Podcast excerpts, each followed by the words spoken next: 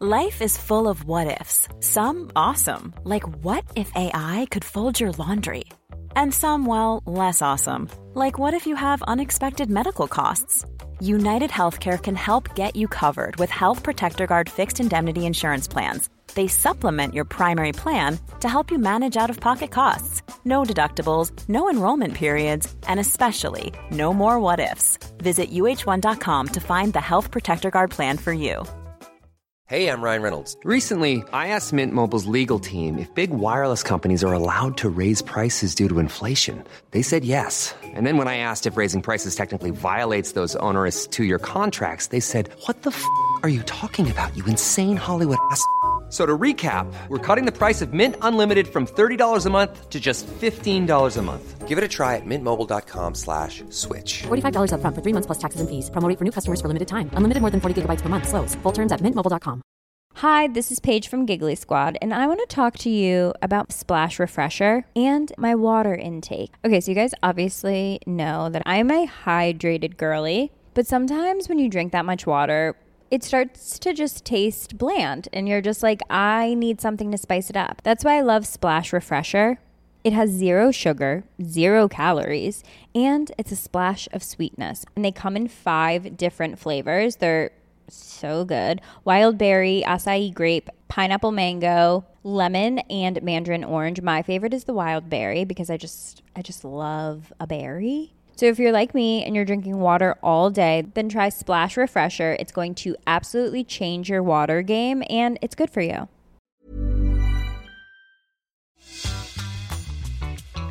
Og det er bare stup og skytt. Så du må være så forberedt. Og, og, så det var veldig, veldig lærerikt. Bak scenen med Trond Harald Hansen. Velkommen til Bak scenen. Jeg heter Trond Harald Hansen, og i denne podkastserien får du bli med i kulissene på norsk showbiz-bransje når jeg snakker med kjente artister, skuespillere, programledere og produsenter. Og i dagens episode møter jeg Marit Synnøve Berg. Velkommen hit. Tusen takk. Hvordan fant du veien inn i teatret? Hvordan fant du ut at det er liksom teater, skuespill jeg vil jobbe med? Ja, det begynte vel egentlig mm, Jeg har alltid vært litt sånn papegøye og se på meg og stå i bro og slå hjul og alt det der. Eh, Og ikke noe teaterfamilie. Ikke noe sånn eh, på scenen-folk i det hele tatt. Så mm, det var vel bare en drøm en gang som jeg tenkte ja ja, go with the flow, prøv å se om du kommer noen vei. Og plutselig så hadde jeg søkt på teaterskolen for andre gang, og så sto navnet mitt på lista. Ja. Så det var et stort øyeblikk. Var du hun som alltid skulle underholde på sånne skoleavslutninger eller juletrefest, eller? Nei, jeg var ikke så modig. Nei? Eh, Jeg fikk, eh, fikk lese Jeg spilte Askeladden. Jeg fikk ikke spille prinsessa, jeg spilte Askeladden. og så um, husker jeg jeg leste et dikt en gang på sånn skoleavslutning. Men ellers så var det liksom å underholde familien, da. Med parodier og ja, tulletøys. Lekent barn. Ja, Ja. kan man si. Hvordan, eh, hvordan er opptaket til eh, Teaterhøgskolen, da? Eh, Den gang jeg søkte, eller jeg har søkt to ganger em, Jeg tror det var bare to prøver begge gangene. Nå lurer jeg på om de har tre. Teaterhøgskolen het den gangen, KIO heter det nå. Kunsthøgskolen i Oslo, fordi det er slått sammen med Balletthøgskolen og opera og arkitekt og design. Nei, jo. Um, og da er det veldig mange som søker i første runde, og så tror jeg det er en liten siling allerede hvem får komme til første opptaksprøve. Eh, og så ser de på det du gjør. Og da hjelper det ikke med CV-er, og jeg har gjort masse sånn og sånn, og jeg har vært der og der. ikke sant? Da ser de på det du gjør. Der og da. Det er det som Der og da. teller. Yes, rett og slett. Og så får du gå videre til annen prøve da, hvis du er heldig. Kan du si litt om, om sjølve utdanninga der? Ja, vi har jo alt fra stemmebruk til bevegelse til Egentlig så husker jeg jeg tenkte i første året på teaterskolen at eh, kan dette være nødvendig, da? er det ikke bare å liksom bruke intuisjonen sin og leke seg fram? Men det du trenger verktøyet til, det er å kontrollere stemmen. Det er å mm, få greie på hvilke Altså, det fins noen triks eh, som du må vite om. At du skal vite hvor, hvor ting eh, passer best, ikke sant? Og eh, ja, også teaterhistorie, selvfølgelig. Og sangtimer. Og alt som, alt som har med eksempel fekting hadde vi på teaterskolen, og det går på partnerkontakt. Oh, ja. Det går på å spenne av og være i et samspill, men likevel være i stand til å svare hvis det kommer noe uventa. Ja. Og det, det tenker man kanskje ikke så mye på. At, eh, fordi at du må, du må ha alt det verktøyet for å kunne late som det er nytt hver gang. Ikke sant? For at når du skal spille andre og 14. og 31. forestilling, så må det se like nytt ut. Og du må være like overraska hver gang det kommer noen inn. Og, og ja, i det hele tatt. Du skal ikke vite det om vedkommende før da og da. Og det krever teknikk til å, å kontrollere. Mm. Du gikk ut i 89, Ja, det gjorde begynte i 86. Uh, var det rett ut i fast jobb, eller var det ut i frilans? Eh, Ja, nei, jeg, altså, jeg skjønte jo ikke at jeg var frilans før det hadde gått ti år. For da hadde jeg hatt eh, år etter år altså jeg hadde hatt årsengasjementer. Det fins jo ikke lenger. Nei. Eller det fins, men det er veldig sjeldent. Det fins noen få faste ansettelser på noen teatre, og så fins det noen få åremålsstillinger. Eh, Blant annet Teater Innlandet har gjort det nå. Og ansatt fire på treårskontrakt, tror jeg. Em, og um, da var jeg altså tre år på teatret vårt uh, i Molde først. Og det er uh, Det er jo Det var ett. Altså tre ettårskontrakter. Og så kom jeg til Skien og var der i to år på Teater Ibsen. Og så var jeg på Riksteatret. Og, så det gikk liksom slag i slag. Mm. Og så traff jeg mannen min, og så fikk vi barn. Og så, når den tida med, når vi hadde fått barnehageplass og sånn, så var det 'Hallo, verden, her er jeg!' Og hvor blei alle av? Så det er ordentlig skummelt å være frilans, altså. Og, ja. Så da har det jo gått en god del år etter at jeg fikk barn, siden jeg er 55. Eh, og noen perioder er skumlere enn andre. Men så ruller det på igjen. Og akkurat når du står og ser på det store, sorte hullet og tenker Er det ingenting i vente? Så sier det tuk, tuk, tuk, og så kommer det noe. Så eh, det er heldigvis sjeldent at det er veldig stille. Og så har vi jo disse nisjene, da. I tillegg til teater og litt film og litt serie, så er det dubbing og bitte litt radioreklame innimellom. Hvis vi tar for oss liksom de tidligste åra, rett etter du er, rett er utdanna, hvordan er liksom overgangen fra å være under utdanning da, til å møte yrkeslivet? Hvordan er det, er det liksom Dette var ikke sånn jeg forventa meg i det hele tatt, eller var det det er et veldig interessant spørsmål. Hva, hva skal jeg svare på det? For det har jeg glemt. um, det var jo veldig gøy å møte uh, folk som kunne dette her, og spille sammen med de istedenfor klassen. Um, nå traff jeg jo uh, teaterskoleklassen nylig. Vi hadde 30-årsjubileum. Ja, åra går. Det Og det vi sa alle sammen, for vi hadde en liten runde rundt bordet. ikke sant? Hva driver du med nå, hva gjør du og du? Og en av dem er omskolert, alle de andre holder på med. Vi var åtte i klassen. Og sju er fremdeles i yrket. Um, eller har gått over i mer sånn produsent, regi. Uh, Janne har jo vært teatersjef på Teater Innlandet. Og, uh, og da var vi alle enige om at uh, det var en litt mer ydmyk gjeng enn da vi gikk på teaterskolen. Det var veldig mange som var veldig høye og mørke da. Ja. Og det, sånn skal det være. ja. Når man er ung, så, så har man kontroll på alt, og ikke noe er noe problem. Eller liksom, det er jo også en sannhet med modifikasjoner fordi man er usikker, men man har i hvert fall sånn mot Mm. fordi man, man bare gønner på, ikke sant? Og så kommer eh, etter hvert litt sånn OK, ja, det har jeg ikke tenkt på. Så blir man litt mer ydmyk, da. Mm. Og det er jo sunt. Det er det. Man skal være litt ydmyk. Ja, Ja. rett og slett. Du har i tillegg til teater også brukt stemmen veldig mye i ikke bare vanlig teater, men også radioteatret. da. Ja. Det er sikkert en helt annerledes måte å jobbe på. Ja. ja. Det var veldig gøy at du tok opp. For jeg måtte jo lese min egen CV, da, for jeg husker så dårlig. Så tenkte jeg oi, det har blitt en del produksjoner på Radioteatret. Og altså Jeg elsker Radioteatret, for du kan skape et helt univers med bare lyder. Så én ting er det vi står og får lov å gjøre i studio. Eh, nå får vi ikke lov å lage så mye lyder lenger, men det kan hende de ber oss om å liksom klinke litt med noen glass eller noe sånn. eh, ta i en dyne, fordi at det, Dynelyd. Sånn Det er best når du bare Når du lager det Ja, Ikke legge, legge på det etterkant. Ikke legge på det etterpå, for da blir det mer organisk. Da følger det bevegelsen og setningen og sånn. ikke sant? Så det er stort sett det vi får lov å gjøre. Det er glass og dyner. Ja. Men så får du høre det ferdige resultatet etterpå, ikke sant? og så er det et helt univers. Akkurat sånn som du tenkte mens du sto og prøvde å huske å ha hodet i retning mikken. Fordi at eh, vi kan jo ikke alt utenat, stort sett. I hvert fall ikke når det er mye tekst. Um, så vi har, eh, vi har manus eh, i plastlommer i nærheten av oss, og så, og så kan vi titte ned på det. Men det er dette her med retning mikk, da.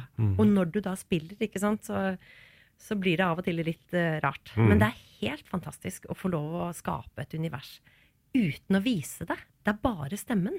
Og du må på en måte, du må ha dekning for det da òg. For det er jo det viktigste i teater. At du har dekning for det du gjør. Til og med når du skal være en tøysete karakter, så må karakteren din føle Du må ha den riktige følelsen.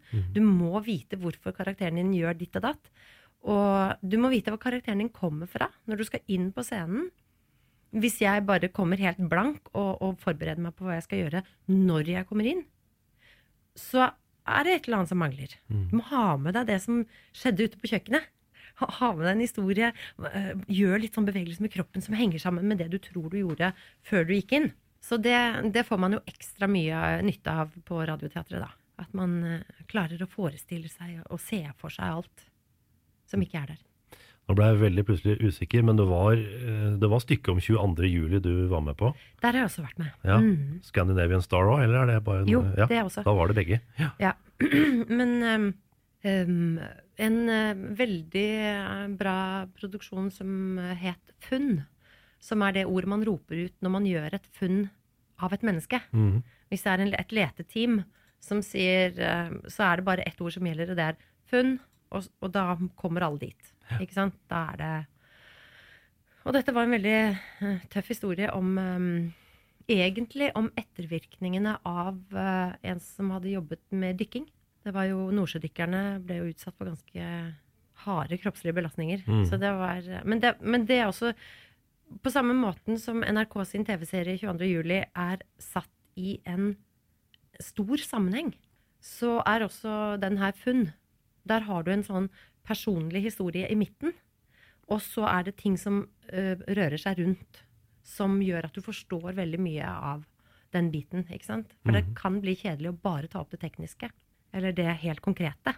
Du snakker klingende Oslo-dialekt, men du er egentlig fra Stavanger? Det er jeg! Det er veldig bra research.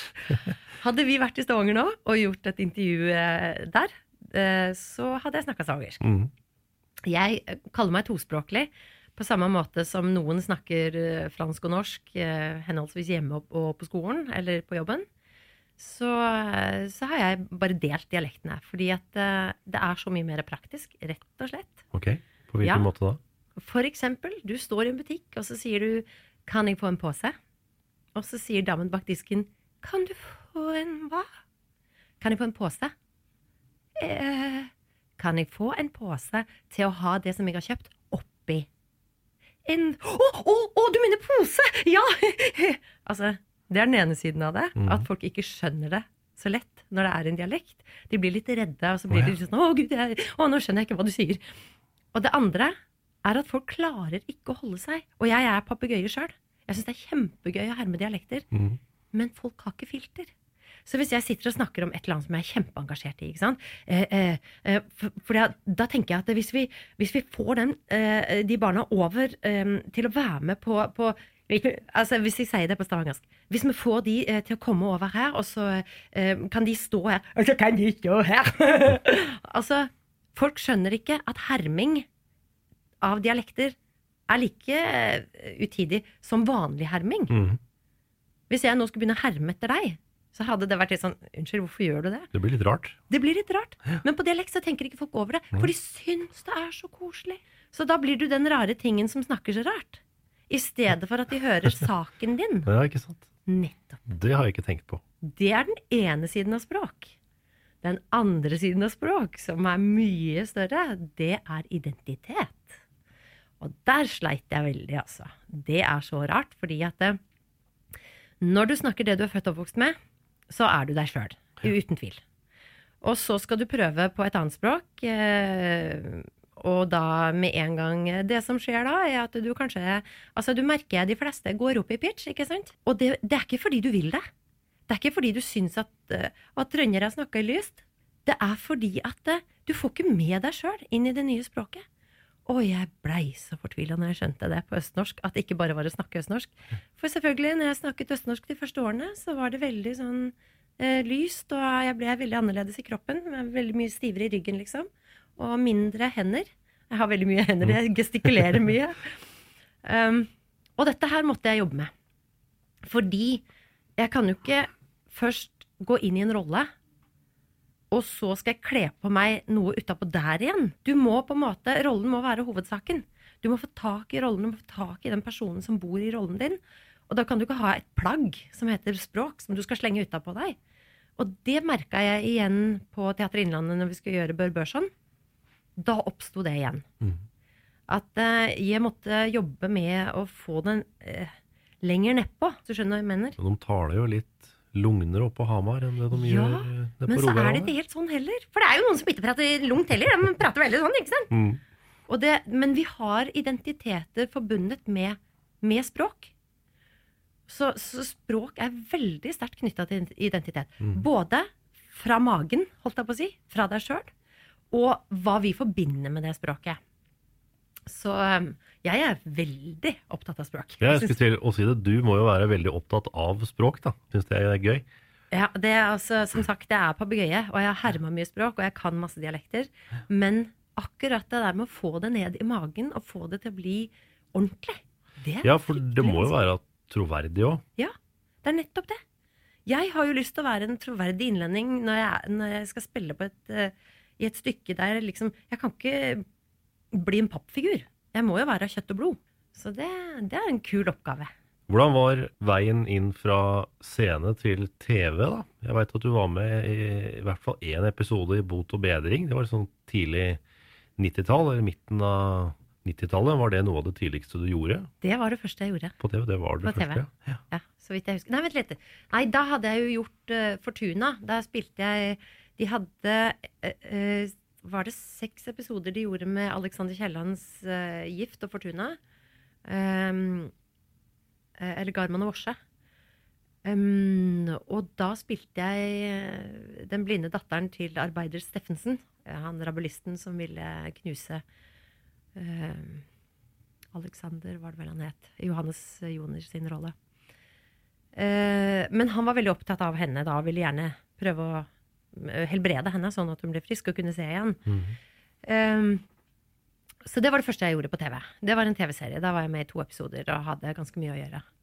Så Bot og bedring, det var første sitcomen. Situasjonskomedie. Ja. Ja. Hvordan er det når du blander en TV-produksjon med publikum til stede, og det på en måte er teater, men så er det ikke det allikevel, for du må holde deg så mye nede? Ja. Nei, det syns jeg var kjempegøy. Og, og nå spiller vi jo komedie mm, på Teater Innlandet. Utlendingen heter det. Og det å holde seg alvorlig når publikum ler, det er en av kjepphestene mine. For da blir det så mye morsommere. Når karakteren min ikke ler. Men så syns de det jo er gøy å se at vi sliter òg, da. Det er jo det. Ja, absolutt. Det er noe med det. Ja. Så, så um, de kan få litt av det en gang iblant òg. Mm. Men, men eh, ja, det, det er er, jeg syns det er en kunst å klare å holde Aud Schønemann var jo helt rå på det. Hun var jo alvorlig hele tida, og så lo publikum, og så var hun helt alvorlig. Ja, hun var helt fantastisk. Egen kunst, det der. Store forbilder. Mm. Ja, apropos det, hvem er det som er forbildene dine? Hvem, hvem var det du var inspirert av? Hvis du i det hele tatt var det, var det, var det noe som du liksom så opp, opp til? Om du tenkte at Jeg har mange jeg ser opp til, og det er nye stjerner hele tida. Og det er så godt å ha forbilder å se. Jeg synes, eh, eh, Hvis jeg skulle begynne å, å, å ramse opp, så vil det alltid være noen jeg glemmer. så jeg, det tør ikke. Nei? Nei. Jeg syns de er veldig veldig, veldig dyktige, de som jeg jobber sammen med nå. Jeg har hatt Terje Strømdal som regissør. Han er jo en gudbenåda skuespiller og en like god regissør. Og um, Anne Guri og Sunniva og Roger og Tom og Jon Altså, det er en sånn fest å jobbe sammen med de. Jon Nyhetstumo. Jon Nyhetstumo. yes, Ja. som jo spilte i Tramteatret. er Ordentlig fine folk, altså. Ja. som tar jobben på alvor og, og, og ikke slipper ned garden idet premieren er over, så er det sånn ok, nå kan vi slappe av, nå kan vi bare gjøre det. Nei, man kan ikke det. Det er da det begynner. Det er da, det, da det begynner. Yes. Det er da jobben begynner om å holde det like friskt, like fullt energi, like Fordi alle, alle fortjener eh, en like god forestilling. Mm. Enten de nå ser den tredje eller den 24. Jeg veit jo det at uh, noen hater generalprøve, liksom syns det er et forferdelig ord. Ja. Er du, er du også, også der? Tenker at dette Jeg håper alltid at det skal gå dårlig på generalprøven. Mm. For da er jeg mye mer Eller man er jo skjerpa uansett. Det er kanskje enda mer hvis det er premiere. Ja, selvfølgelig, for du vet, da er jo anmelderne der, og det er, det er, det er viktig for salget. Jeg Mm. leser jo ikke anmeldelser før vi er ferdig med et stykke, for jeg er så redd for å få mm, feil fokus. Mm. Altså, jeg mener at det er helheten, og det vi veit vi skal utføre, det er det viktigste.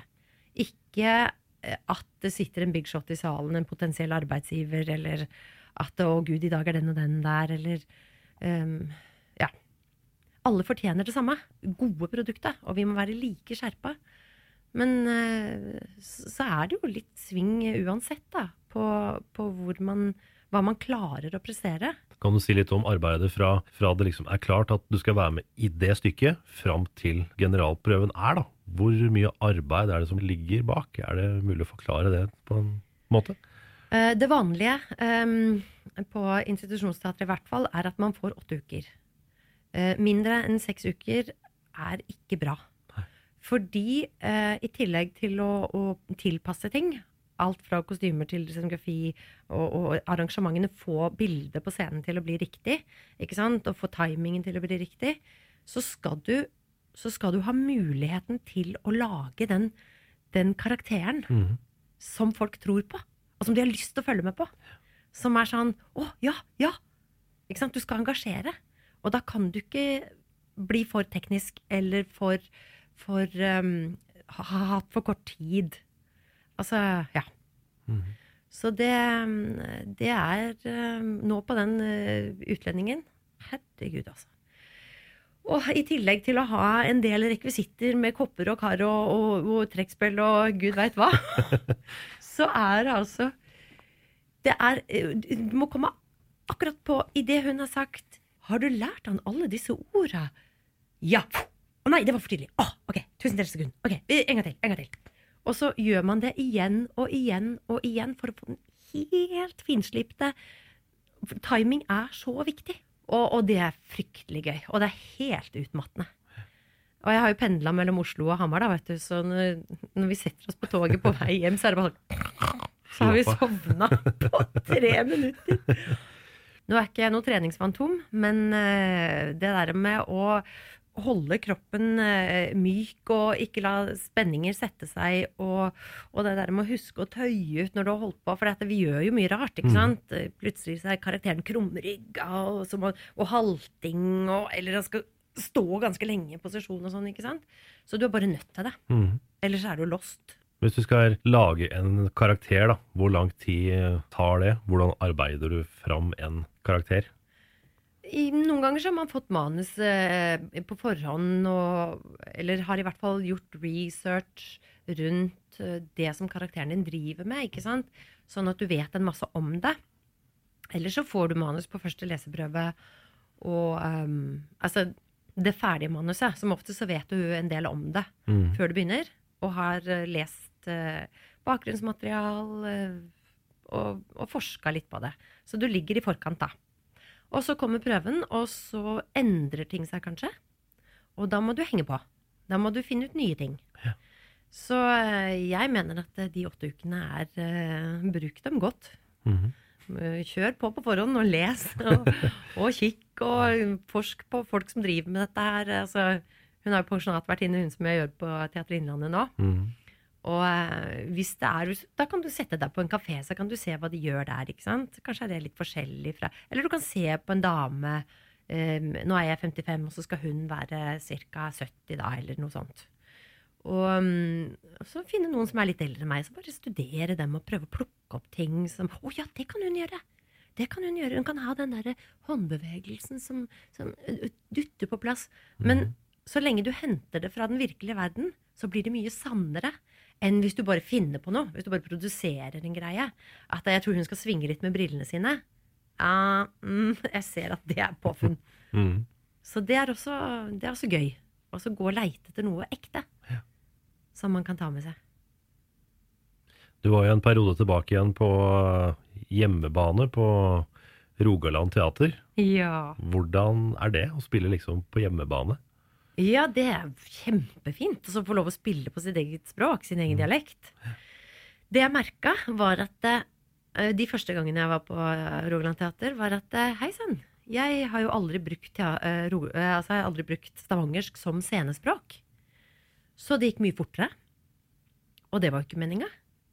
Jeg skulle jo Jeg skulle jo snakke like fint på måten jeg har lært meg å snakke på scenen. For du må være tydeligere på scenen. Så det er en kunst også å kunne være ekstra tydelig fra scenen uten at det høres ut som om Altså um, Jeg er venninne med Ruth Tellefsen fra Nationaltheatret, og da vi spilte Tre høye kvinner i 1996, så sa hun det høres ut som om dere ikke har lært å snakke på teaterskolen, sa hun. Men hun snakker jo sånn. Ja, hun snakker sånn. Så det har jo forandra seg lite grann. For oss så var det veldig rart og kunstig, ikke sant? Men den gangen var det ekstremt viktig. Og nå bruker man jo mye mygg. Altså det vil si den lille mikrofonen som sitter rett ved kinnet, som har eh, sånne greier bak øra, og så har du en sender som henger innafor tøyet et eller annet sted, på hofta eller noe sånt, ikke sant? Og så sender den til høyttalerne. Men det du mister da, det er ehm, Det er en slags ekthet. At ting ikke kommer fra, fra høyttalere. Hvis du klarer å få det til, og det gjør vi på Utlendingen nå. Vi jobber uten mygg. Og det er både befriende og anstrengende.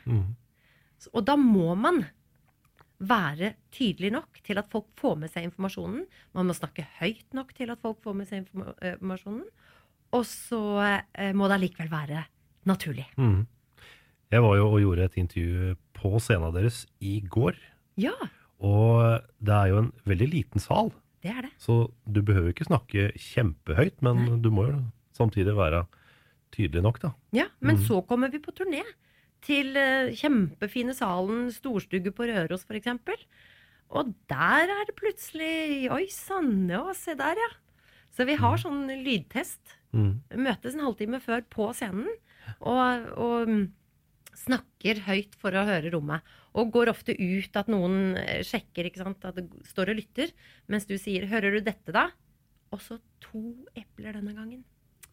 Ah, altså Ja, det hørte jeg ikke. Ok, da tar jeg det kneppet opp, liksom. Litt høyere. Er det enkelte kulturhus som er liksom hyggeligere å komme til, bedre å spille på? Det er liksom en, en helt egen stemning der. Ja. Det har jo, I komedie så er det jo ekstra gøy når publikum gir seg ende over og ler godt og høyt. Og, og, og virkelig koser seg og ikke tenker at 'å nei, jeg skal la være å le', jeg, altså, for ellers så ser jo naboen at jeg ler. Um, det er veldig gøy. Og da kan det være det samme åssen kulturhuset ser ut. Eller høres ut, mener jeg. Men det er klart, eh, det er noen kulturhus som er sånn når vi, når vi kjører derfra, så sier vi har skikkelig god akustikk, altså. Og det betyr at vi ikke har trengt å gi så veldig hardt på, ikke sant? Mens andre steder så har rommet hatt eh, en veldig tørr eh, At det spiser opp det vi sender ut. Og, og da må man kjøre på mye hardere. Mhm. Men det, det er klart det viktigste er jo publikum. At vi, men vi har også, jeg har også opplevd i karrieren min uh, ute på Smøla en gang, med teatret vårt. Da spilte vi komedie, og da var det helt knyst, og vi tenkte herregud, hva er det vi har gjort? Hvorfor er det så stille? This podcast is brought to you by eHarmony, the dating app to find someone you can be yourself with. Why doesn't eHarmony allow copy and paste in first messages? Because you are unique, and your conversations should reflect that. eHarmony wants you to find someone who will get you. How are you going to know who gets you? If people send you the same generic conversation starters, they message everyone else. Conversations that actually help you get to know each other. Imagine that. Get who gets you on eHarmony. Sign up today. Hiring for your small business? If you're not looking for professionals on LinkedIn, you're looking in the wrong place. That's like looking for your car keys in a fish tank. LinkedIn helps you hire professionals you can't find anywhere else, even those who aren't actively searching for a new job but might be open to the perfect role. In a given month, over 70% of LinkedIn users don't even visit other leading job sites. So start looking in the right place. With LinkedIn, you can hire professionals like a professional. Post your free job on linkedin.com slash spoken today. Og så kommer teknikerne som har stått ute i gangen eh, når publikum gikk ut. Kommer de inn, og så sier de Ja, her var det folk som var glad, du. Hæ? Ja. ja, det var noen som sa 'ikke flirer slik i hele mitt liv'. Og så var det Hva sa du nå?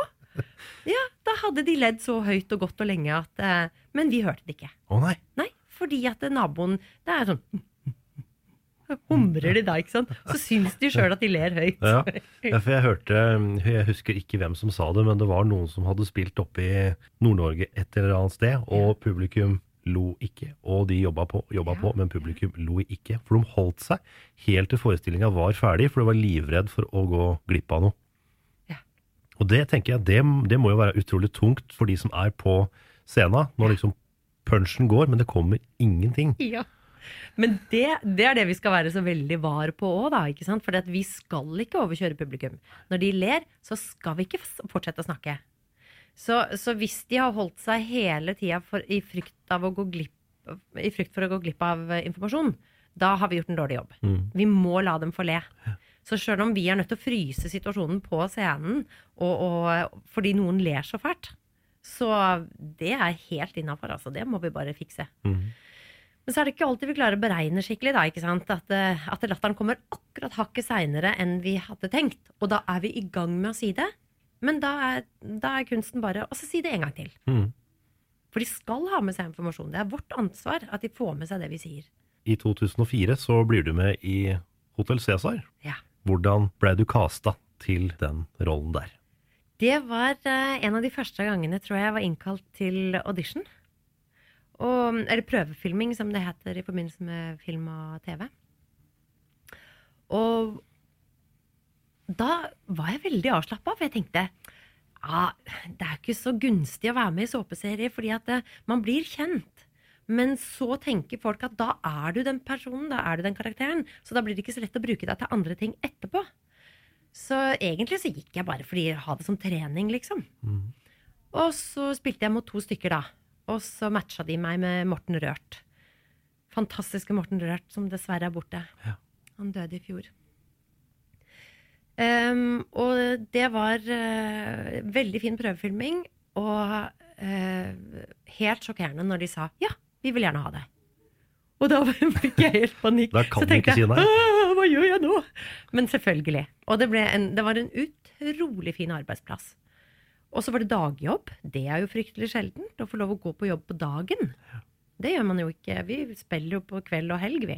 Og øver, jo, vi øver på dagen så lenge det er øvingsperiode, altså prøveperioden. Og så begynner spilling om kvelden. Og noen eh, fyller jo hele dagen. De som er fast ansatte. Så um, det da var det bare å hive seg rundt og, og, eh, bli med på den vanvittige logistikk-kabalen det er med Cæsar.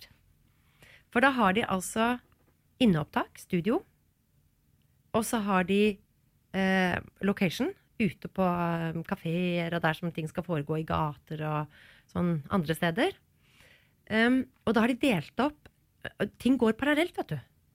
Da har vi gjerne eh, studieopptak mandag, tirsdag, onsdag, og så hadde vi eh, location-opptak fredag-lørdag for det som hørte til neste bolk.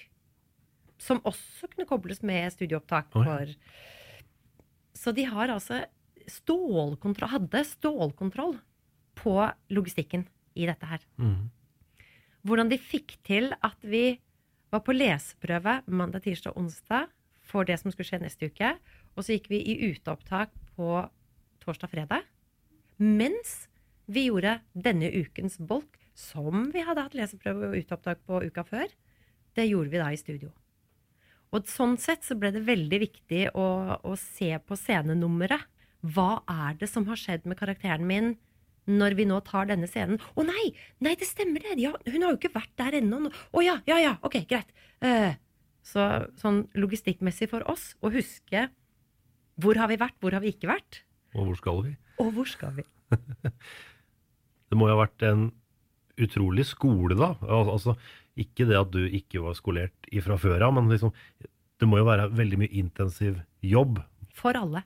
Både for konseptuell eh, manus, for de som skriver manusene, for de som har leseprøver og forbereder seg til, det, til opptakene og lager dreiebok for neste uke, eller altså Alt dette her som vi ikke fikk med oss, som ligger utenfor, og, og klipping i ettertid, ikke sant. Og så har du lys og lyd, og så forbereder de seg, ikke sant. Hvor skal myggen sitte nå? Fordi her skal hun jo ha på seg kokkelue, og da må hun jo ha myggen der nede, altså mikrofonen, eh, Uh, innafor Ja. Og all den derre planleggingen, ikke sant. Og det er bare stup og skyt. Så du må være så forberedt. Og, og, så det var veldig, veldig lærerikt. Hørte at dere hadde en halvtime per scene. Hvis ikke det funka innen en halvtime, ok, da tar vi høydepunkter fra det, det som er. Stemmer det? Det, Var det er nok? Ja, det er nok en regel man prøvde å forholde seg til. Men så skjer heldigvis det at noen er one take wonder, eller i hvert fall går på to-tre opptak. At vi gjør det på to-tre mm, runder. Og så er det noen som man, man, man, er nødt til å gå over den halvtimen. Fordi scenen er enten så komplisert eh, teknisk eller så følelsesmessig utfordrende at man er bare nødt til å, å spandere mer enn en halvtime på det. Var det vanskeligere ettersom liksom ting blir så, ting blir så opp, oppdelt, da? I, eh, I motsetning til teater, hvor du kan spille hele hvor du kan spille hele stykket, så blir alt liksom veldig oppdelt. da. Ja. ja, altså kronologien som du får når du jobber på teater, at du jobber fra A til Å, den mister du helt når du jobber eh, sånn TV-serie. I hvert fall den type TV-serie som Cæsar var, at, eh, at det, det produseres så fort. Og da blir det mer komplisert. Fordi du skal huske hva du ikke har opplevd ennå. Mm. Ikke sant? Så du må Så der tror jeg Jeg tror vi hadde noen snublingser der noen ganger. Ja. Men uh, pytt pytt. Ja. Ja. Da må man gjøre det om igjen. Rollefiguren, da? Var den vanskelig å finne? Du, du hadde sikkert en beskrivelse, men du skal vel også komme med et personlig, et personlig preg? Ja. Det tror jeg kom mer, eh, mer og mer etter hvert. Um, fordi um, vi la en bakgrunnshistorie. Og um, Morten og jeg har heldigvis uh, kjent hverandre fra før av. Så vi kunne prate litt og, og legge litt sånn um, miljø rundt, og, og tenke litt rundt og, og snakke litt om uh, La til litt ekstra, da. Mm. Så vi hadde et slags skjelett og, og, og visste en vei vi skulle gå, og hva har karakteren vært igjennom fra før av. Så det var veldig spennende. Uh, um, når det gjaldt Når det gjaldt teknikken på kjøkkenet, så har ikke jeg sjans til å se ut som en eh, kjøkkensjef. Eh, jeg fikk vite teknikken, skjæreteknikken. At du må passe fingertuppene dine, så du har alltid bøyde fingre innover. Og så er det kniven som skal stå i bordet på forsida, og så bare legger du den ned. Du skal ikke, du skal ikke løfte hele kniven. Nei. Ikke sant? Og mm, da snakker vi bløff. Da snakker vi om å prøve å få det til å se best mulig ut. Ja. Og den gangen jeg skulle åpne østers, da har man jo en sånn eh, rustninghanske, hvis du skjønner. Ja. Så ikke kniven skal gå gjennom. At, og så skal du stikke kniven inn og åpne den muskelen, ikke sant? Mm. da hadde vi en kasse med østers. Og så skulle vi gjøre dette her, og det var ordentlig nifst, altså, når du vet at du har eh, et visst antall. Men de, foruten den østersen, som jo da var dyr, så hadde vi veldig mye agurk og gulrot. Ja. For det skal jo ikke være så dyrt. Nei. Så når Marianne skulle være i fullt arbeid med sånn skjæring og sånn, klikk, klikk, klikk, klikk, så var det agurk Så eller gulrot. Så skar hun grønnsakene sine. Og så er det så rart å treffe folk, fordi at eh, for, Nå flytter jeg sikkert inn på noe som du har tenkt å snakke om seinere, men en gang så traff jeg et menneske som var så veldig Cæsar-fan, og som ikke helt klarte å se for seg at jeg ikke het Marianne. Nei. Så sier jeg Men jeg heter jo ikke Marianne, og så er jeg jo ikke gift med Cato heller, sier jeg. Nei, nei. Litt sånn usikkert eh, latter, da. Så sier jeg Og jeg har jo ikke noen datter som heter Mai. Jeg har to barn, eh, men ikke en datter som heter Mai. Nei. Ja. øh, øh. Og så sier jeg Og så er jeg jo ikke engang god til å lage mat. Men da bikka det helt. For det trodde ikke den personen. Nei. Nei, det var, det var sånn Ja! Sa han da. Og så tenkte jeg eh, Det er vanskelig å skille karakterer. Jeg har også gjort den tabben, faktisk. Mm. Jeg har kommet inn på en restaurant, og så har jeg tenkt å, fy fader, der sitter han derre Åh! Nei. Nei, vent litt nå. Å nei! Å nei, det er han! Å, det var han som spilte den grusomme etterforskeren. Som hadde forhåndsdømt Ja! Ikke sant? Mm. Så jeg vet hvor Det er skummelt. det er kjempeskummelt, og det er så fort gjort. Eller at du hilser på noen som du skjønner etterpå at 'å ja, det var jo hun politikeren', eller 'å, det var han programlederen', eller Ikke sant? Mm. Men sånn er det bare. Du får jo en kjempeeksponering. da. Du kommer jo på besøk i stua fem dager i uka. Ja. Det var overveldende. Hvordan opplevde du det? Det var helt eh, Helt todelt. Altså, det var eh, på, på vanlig hverdag så kunne det være helt greit. Selv om folk bare ropte over torget Cæsar!' Ikke sant? Så var det sånn 'ja, da, hei, hei'. Ja. Du er den første som sier det. Ja.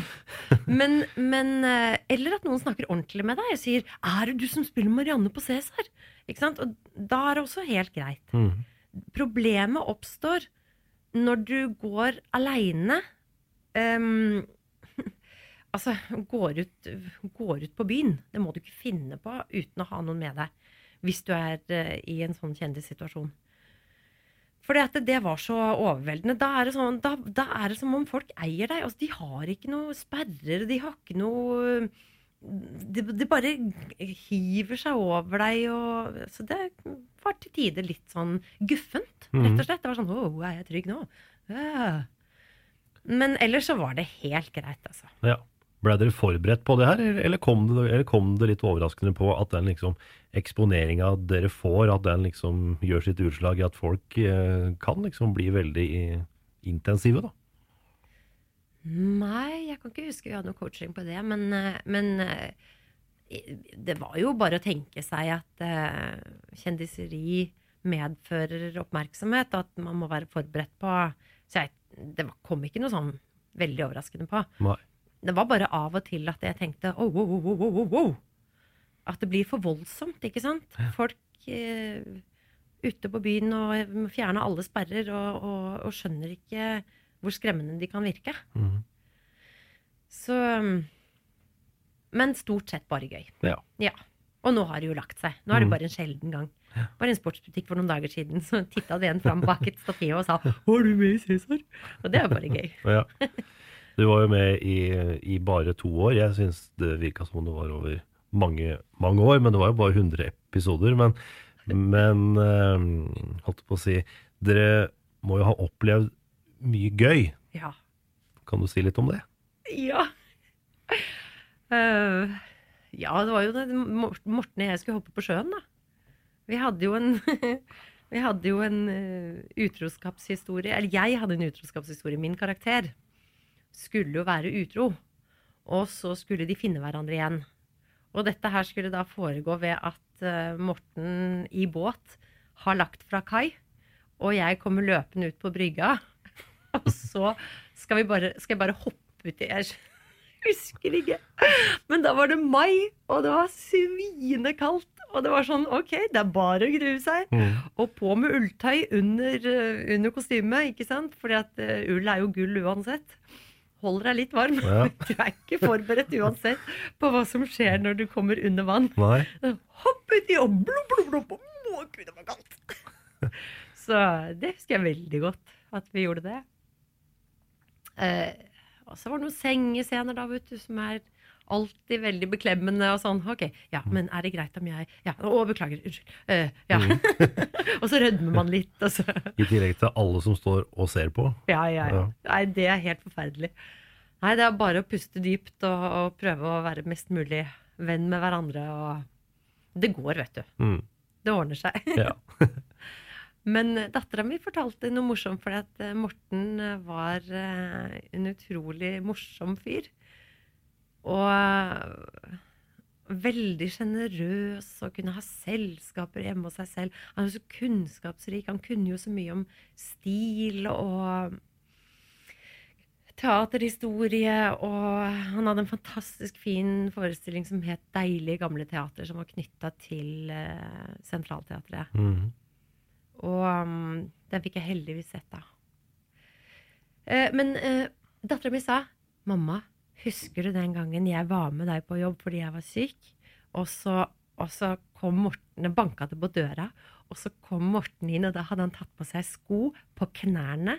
Han gikk på knærne, og så hadde han tatt på seg sko, og så hadde han trukket armene inn i genseren, så han hadde veldig korte armer. Og så, dut, dut, dut. så det glemmer hun aldri. Nei. Nei. Så han var veldig søt og oppmerksom og flink med unger, og det var kjempegøy. Fin fyr. Ja, Mm. ordentlig fin fyr. Cæsar tar jo slutt. Du er tilbake igjen på teater. Du gjør litt uh, film. Du gjør Nokas, blant annet. Mhm. Eh, er det liksom spille, spille i en film som er så brutal? Ikke bare på filmen, men også, men også, i, men også i virkeligheten. da. Det er, eh, det er bare én ting å si om det, på samme måte som 22. juli. Man må behandle det med respekt. Nokas var veldig spennende fordi at uh, prøvefilminga foregikk på den måten at vi var på um, Hausmann, der som Blitz uh, har vært i alle år. I, i, under huset der er det noe sånn parkeringslignende, altså det er åpent. Uh, og der spilte de ut. Han sa vi skal nå utsette deg for um, eh, noe som er opprørende, men du skal prøve å være i karakter. Ja, helt fint, sier jeg. ikke sant? Så, så jeg vil bare se hvordan du reagerer. Det er ikke noe spesielt vi er ute etter. Vi, vi vil bare se hvordan du reagerer. Og så sender de inn eh, to maskerte, svartkledde fyrer med våpenlignende ting i hendene. Og jeg er helt klar over at dette her er en audition og eh, sånn, men eh, de hadde gjort det så levende at eh, de fikk en ordentlig reaksjon fra meg, altså sånn som jeg ville ha reagert. Og jeg pleier å si at hvis noen tar over eh, kontrollen og sier 'slapp av, vi tar det sånn, vi gjør det sånn', da kan jeg bryte sammen. Men hvis ingen andre gjør det, da er det jeg som gjør det. Ja. Så jeg var helt sånn 'ja, greit'. Så jeg prøvde å være rasjonell overfor disse her eh, som kom inn. Sånn 'ja, det er greit. Jeg gjør det'. Ja, Og liksom bare gjorde alt det som de liksom Ville. ja. Og prøvde å tenke rasjonelt. Er det noen måte jeg kan redde disse pengene på? Eller ikke? Og det, altså, skjønner du? Så jeg syns det var veldig smart. Eirik Skjoldbjerg er jo eh, veldig dyktig. Han er ute etter, eh, etter det Nok en gang ute etter det helt genuine, ikke sant? Så eh, det, det, det, det går som oftest på det går fint så lenge situasjonen er der og det koker og sånn. Det som alltid er skummelt, det er siste scene der kameraet er rett foran nesa di. Da skal du glemme at det kameraet er rett foran nesa di. Det tror jeg kan være vanskelig. Det er vanskelig. Så Men du har også gjort en del tegnefilm, dubbing. ja. Fortell litt om det. Ja, det er veldig stas. Det liker jeg kjempegodt. Jeg har jo fått lov å være originalstemmen til Bjørnemor på, på den animerte filmen 'Hakkebakkeskogen', som Kvisten gjorde. Det er stas. Fordi da er du med på tegningene på, helt fra, start, fra starten av. ikke sant? Oh, ja. Sånn at de eh, Og før, før figurene rører på seg. Mens det bare ennå er eh, skisser. Så det er en helt annen prosess enn å legge norsk stemme på utenlandsk tegnefilm. Men det er også gøy. Og så har jeg gjort Mummimamma, Mummi på Rivieraen, og så har jeg gjort massevis av serier. Og det er ordentlig gøy. Litt mer komplisert kanskje når det er utenlandsk originalt, for du må kanskje tilpasse deg det noen andre har gjort før deg. Ja, og da prøver man jo karaktermessig å legge seg etter det som de har gjort fra før av, for det er jo Dette er jo um, jeg håper å si AS hurtigkunst. Det, man må gjøre det fort.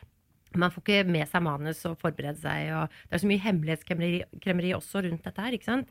Disney og sånn. ikke sant? Da er det legg igjen telefonen utafor og um, ordentlig sånn strengt regime, sånn at ingenting skal slippes på forhånd. Helt forståelig. Eh, men eh, det resulterer da også i at man ikke får så mange hint på forhånd.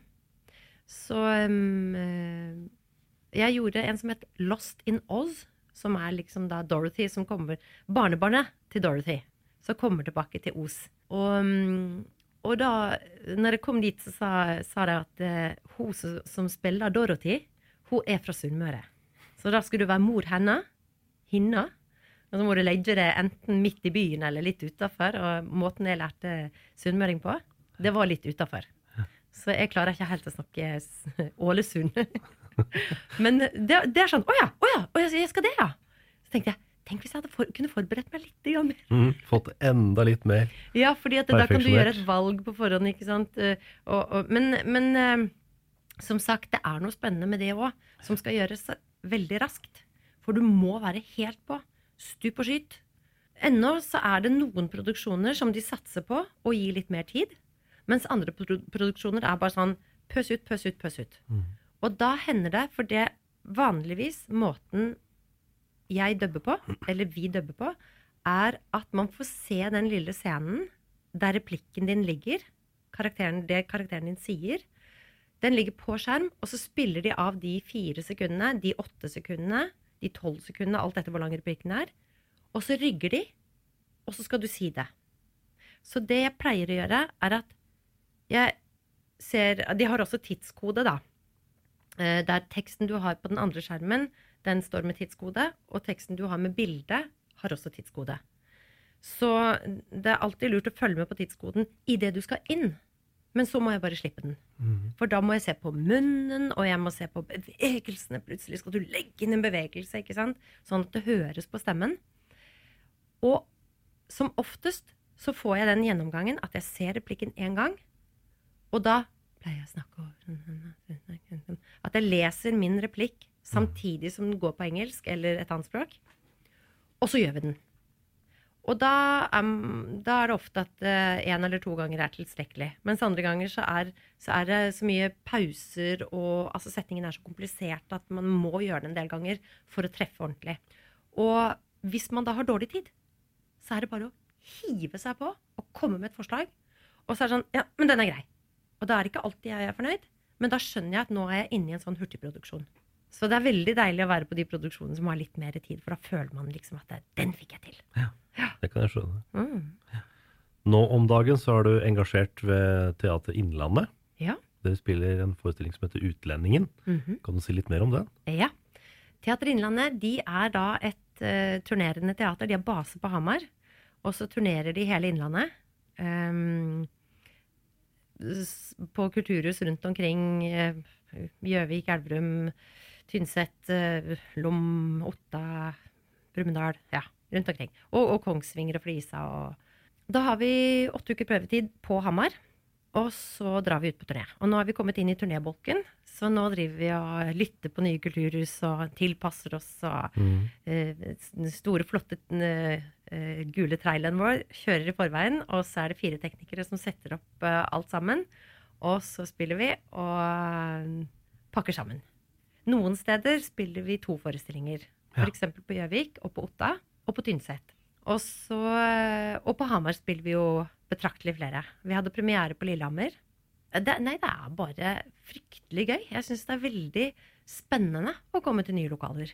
Fordi at eh, da får man på en, ny, på en måte en ny vinkling. Det er som om det skjer et eller annet eh, Så jeg liker veldig godt den utfordringen. Ja. Og så har man gjerne fått det mye smalere på sida, da, ikke sant. Mm. Hun er pensjonat, vertinna Betty. Hun har jo et helt kjøkken på høyre flanke. Ja, ja. Venstre, venstre for publikum.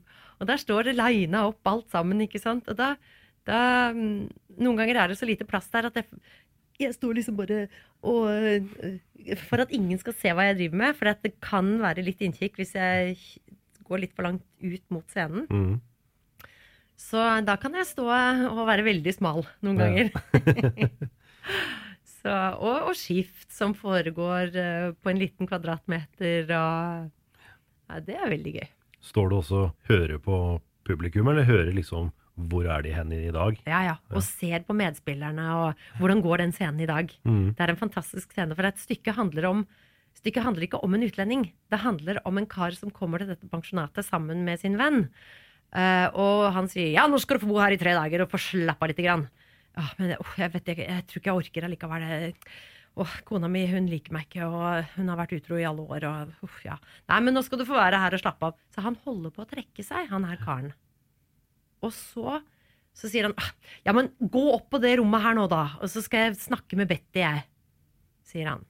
Så kommer Betty inn, og hun er litt lei seg for at hun sliter fælt med dette pensjonatet. Det holder på å falle fra hverandre og har brukt de siste pengene sine på å reparere. Men hun er i ferd med å bli kondemnert. Av eh, slemmingen i stykket. Han har skaffa seg jobb som eiendomsinspektør, og det er ikke bare bare, altså. Det er Jon Nytstemo. Ja. Ja. og så, um, mens han er oppe på rommet, og mens uh, Padda, som han heter, og Betty snakker sammen, så kommer Padda på Hei, jeg kan jo bare si at han er utlending. For Betty syns jo dette er Hun har jo alltid drømt om å få treffe folk, uh, utlendinger, og, og de er jo så eksotiske. Og det er jo så spennende med utlendinger. Jeg kan bare si at han er utlending, og at han ikke snakker et ord engelsk. Altså norsk da hos oss, men stykket er jo fra USA.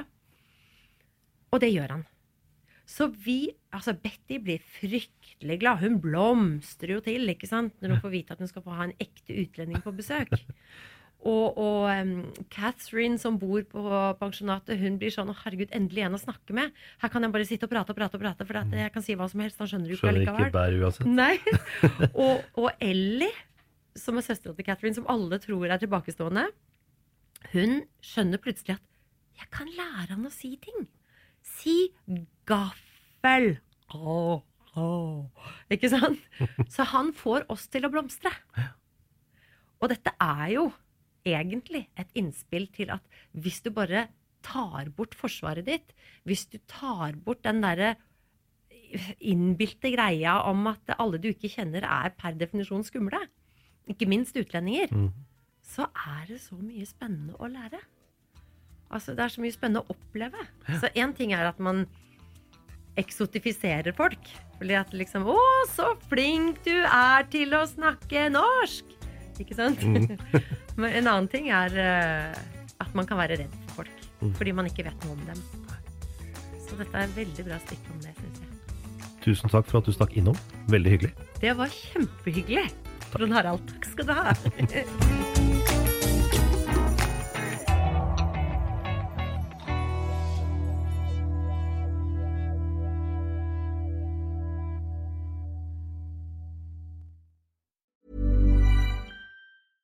Hi, this is Paige from Giggly Squad, and I want to talk to you about Splash Refresher and my water intake. Okay, so you guys obviously know that I'm a hydrated girly, but sometimes when you drink that much water, it starts to just taste bland, and you're just like, I need something to spice it up. That's why I love Splash Refresher. It has zero sugar, zero calories, and it's a splash of sweetness. And they come in five different flavors. They're so good. Wild berry, acai grape, pineapple mango, lemon, and mandarin orange. My favorite is the wild berry because I just I just love a berry. So if you're like me and you're drinking water all day, then try Splash Refresher. It's going to absolutely change your water game and it's good for you. ACAST powers the world's best podcasts. Here's a show that we recommend. The Real Housewives is a guilty pleasure for most, but if you're looking to not feel guilty about that pleasure, tune in to Everything Iconic with me, Danny Pellegrino, where I break down all the messy moments and behind the scenes antics of Bravo's popular franchise. And on Everything Iconic, I also interview celebrity guests like Kelly Ripa, Kiki Palmer, Drew Barrymore, Cameron Diaz, and more about their guilty pleasures, their past work, and so much more. So if you're pop culture obsessed and find yourself watching way too much reality TV like me, tune in to Everything Iconic with Danny Pellegrino wherever you listen to podcasts.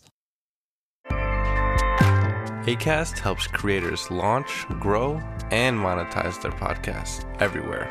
ACAST.com.